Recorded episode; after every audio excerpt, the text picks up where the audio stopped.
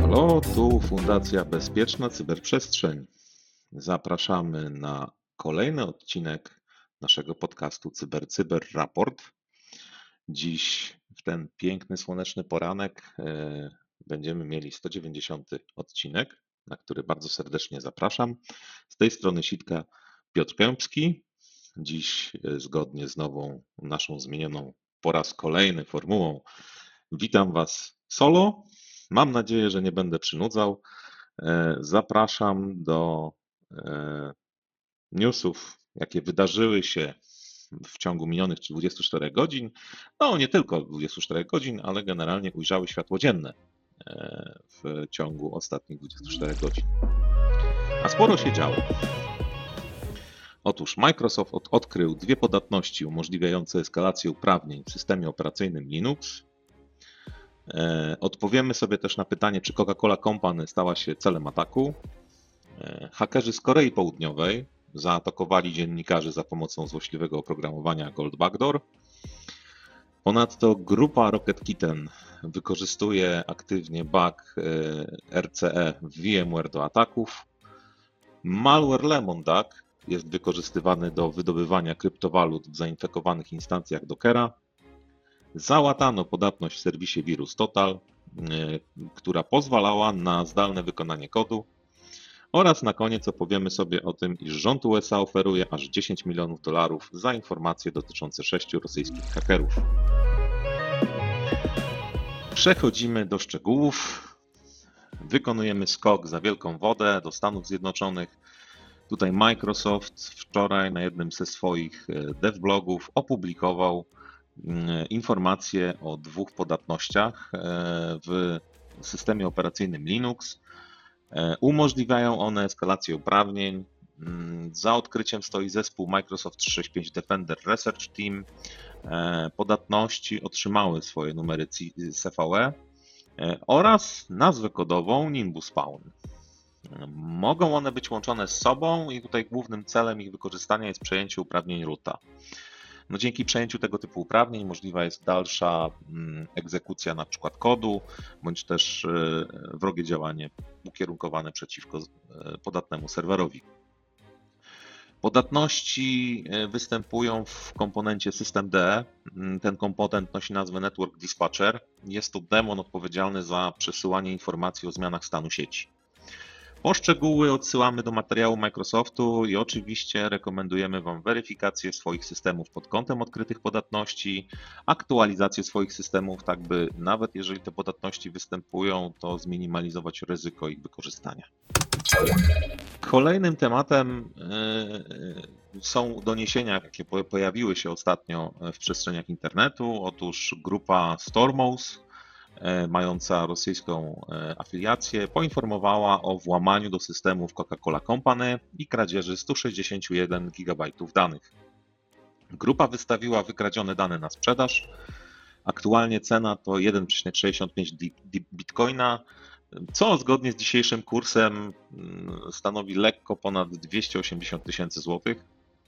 Według informacji zawartych e, w oświadczeniu grupy, w wykradzionej paczce danych znajdują się skompresowane dokumenty, pliki tekstowe z informacjami administracyjnymi, wiadomości e-mail, hasła, numery kont i historia transakcji finansowych oraz inne dane wrażliwe. Koncern Coca-Cola Company potwierdził w oficjalnym oświadczeniu, iż jest świadomy doniesień o cyberataku na swoje środowisko IT i obecnie bada te doniesienia. Jeżeli pojawią się jakieś dodatkowe informacje potwierdzające ten atak, możecie spokojnie spodziewać się wieści o tym w ramach naszych podcastów. Kolejnym newsem, tym razem e, przeskakujemy e, do Korei Północnej, można powiedzieć też południowej. Otóż grupa APT-37, która powiązana jest z rządem Korei Północnej, realizuje obecnie kampanię wymierzoną w dziennikarzy. Kampania ta jest wieloetapowa, bazuje na malware'ze o nazwie kodowej Gold Backdoor, zaś jej celem, e, oczywiście kampanii, jest kradzież danych, zwłaszcza tych powiązanych ze źródłami informacji, tudzież atak na właśnie źródła informacji dziennikarzy. E, Gold Backdoor jest prawdopodobnie następcą innego malware'u o nazwie Blue Light, e, także wykorzystywanego aktywnie przez grupę APT37. E, ten malware Gold Backdoor pozwala na oddzielenie etapu wstępnej infekcji prowadzonej w ramach fazy Initial Access e, od implementacji ostatecznego payloadu, co umożliwia atakującemu zatrzymanie się od razu po fazie Initial Access i e, no, odpowiednie przygotowanie kolejnych kroków ataku. Ponadto malware ten wykorzystuje usługi chmurowe do eksfiltracji danych oraz przesyłania komend e, C2. Próbki przeanalizowane przez badaczy wykorzystywały Microsoft OneDrive oraz Google Drive. E, e, Gold Backdoor umożliwia ponadto atakującemu zdalnie wykonane, e, zdalne wykonanie kodu, keylogging, pobieranie lub wysyłanie plików mm, na zainfekowaną maszynę oraz możliwość deinstalacji zainstalowanego na niej oprogramowania. Kampania prawdopodobnie rozpoczęła się w marcu, trwa do dziś. Mm, w ramach przeanalizowanych próbek zidentyfikowane E, zostały spreparowane wiadomości e-mail zawierające pliki zip e, z kodem złośliwym. Był to prawdopodobnie wektor infekcji tym malwarem. Szczegóły w materiałach pod naszym podcastem. E, zapraszamy do zapoznania się z nimi. Kolejnym newsem no, mamy do czynienia z kolejną grupą hakerską, bądź też stretaktorem. Mm, ten traktor jest znany pod pseudonimem Rocket Kitten. Jest on powiązany z Iranem. E, aktywnie wykorzystuje niedawno załataną lukę w zabezpieczeniach e, VMware'a, pozwalającą na zdalne wykonanie kodu. W ramach ataku podatność ta umożliwia mm, realizację fazy Initial Access, a następnie implementację narzędzia do pentestów o nazwie Core Impact. Atakujący wykorzystują podatność CVE 2022 22954, która otrzymała wynik CVSS 9,8. Podatność ta, tak jak powiedziałem, dotyczy zdalnego wykonania kodu i tutaj musi być podatny VMware Workspace ONE Access and Identity Manager. Z tego co pamiętam, mówiliśmy o tej podatności w naszych podcastach, a także o fakcie, iż podatność ta została załatana 6 kwietnia. VMware wypuścił tutaj łatkę. E, jest ona jednak wciąż bardzo aktywnie wykorzystywana. Jak widać, nie wszyscy instalują aktualizacje na bieżąco. E, raport podlinkowany pod naszym materiałem zawiera więcej technicznych szczegółów kampanii. Ja oczywiście e, w, tym miejscu zachęcam już chyba po raz kolejny do tego, byście łatali i aktualizowali, swoje systemy na bieżąco. Przenosimy się tak naprawdę chmury, można powiedzieć, e, e, ale nie tylko. E, analitycy cyberbezpieczeństwa z firmy CrowdStrike mm, zidentyfikowali malware, który jest wykorzystywany w trwającej obecnie kampanii, mającej na celu budowę międzyplatformowego botnetu górniczego. Mowa tutaj oczywiście nie o kopaniu jakichś minerałów, a o wydobycie kryptowalut. Malwarem tym jest Lemon Duck. Wykorzystuje on narzędzia wiersza poleceń Dockera do infekcji.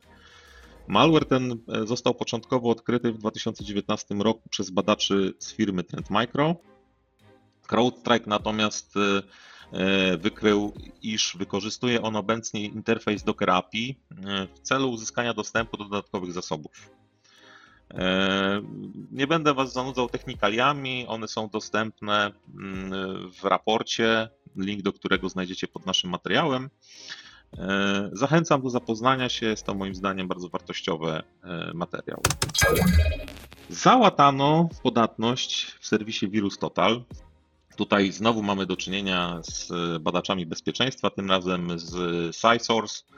Ujawnili oni podatność, która mogła pozwolić atakującym na wykorzystanie platformy Virus Total, mm, która jest dosyć znana i, i, i często wykorzystywana. E, jako narzędzia tak naprawdę do zdalnego wykonania kodu e, na mm, podatnych urządzeniach typu sandbox. Które to urządzenia różnych producentów e, posiadają różne e, połączenia do silników antywirusowych i również często odwołują się do wspomnianej platformy VirusTotal. Podatność ta jest już e, załatana. Umożliwiała ona zdalne wykonanie kodu poprzez VirusTotal i uzyskanie dostępu do jej różnych funkcji skanowania. Atak polegał na przesłaniu pliku DJVU za pośrednictwem internetowego interfejsu użytkownika platformy, który po przesłaniu następnie do, do wielu silników skanujących e, złośliwe oprogramowanie, mm, które są zaimplementowane oczywiście w niezałatanych sand- sandboxach, e, mógł e, prowadzić do uruchomienia exploita w ExifTool, to jest narzędzie open source również często wykorzystywane, do odczytu i edycji metadanych EXIF w plikach graficznych oraz w PDF-ach. E, Podatność wykryto w kwietniu zeszłego roku. E, W maju zeszłego roku została ona potwierdzona. E, Google, do którego nale- należy platforma VirusTotal, e, wypuściło łatę w styczniu bieżącego roku i dało zielone światło badaczom do publikacji swoich odkryć. Raport, do którego link znajdziecie pod naszym podcastem, ukazał się w dniu wczorajszym. E, Jak widać, badacze e, no, podjęli decyzję, iż opóźnią publikację swoich e, badań, tak naprawdę swoich odkryć mm, o kilka mm, no, miesięcy, można powiedzieć. I ostatnia informacja. Rząd USA opublikował informację o tym, iż oferuje 10 milionów dolarów nagrody za zidentyfikowanie lub pomoc w lokalizacji sześciu rosyjskich hakerów powiązanych z GRU, którzy są częścią bądź też współpracują ze znaną grupą e, hakerską Sandworm. E, Nagroda ta jest oferowana w ramach programu e, Rewards for Justice. To jest program prowadzony przez Departament Stanu. W ramach programu nagradzani są informatorzy, e, którzy przekażą informacje prowadzące do właśnie identyfikacji lub zlokalizowania cyberprzestępczu, cyber, cyberprzestępców e, powiązanych z zagranicznymi rządami bądź też z grupami, które przeprowadzają złośliwe operacje cybernetyczne przeciwko infrastrukturze krytycznej USA. Jeśli posiadacie takie informacje, to myślę, że spokojnie możecie się podzielić z Departamentem Stanu USA i być może zarobicie 10 milionów dolarów. To wszystko na dziś. Mam nadzieję, że nie zanudziłem wam, Was na śmierć. Życzę Wam miłego dnia i do usłyszenia jutro. Na dziś żegna się z Wami Piotr Kępski. Cześć.